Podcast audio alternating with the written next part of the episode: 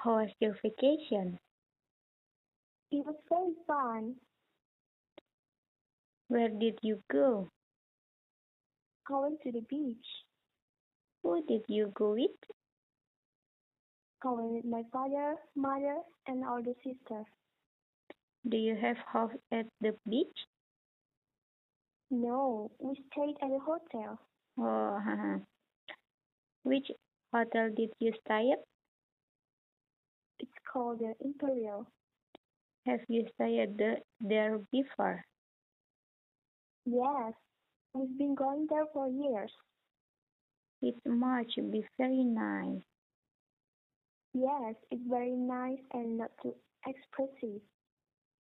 Did you in the water? Yes, I went swimming and rode a banana boat. How about your older sister? She does not like the water. She likes to sit on the beach and read the book.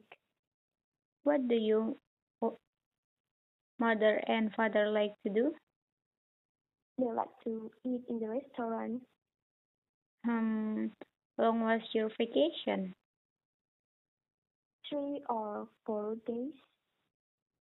And will you go there again next year?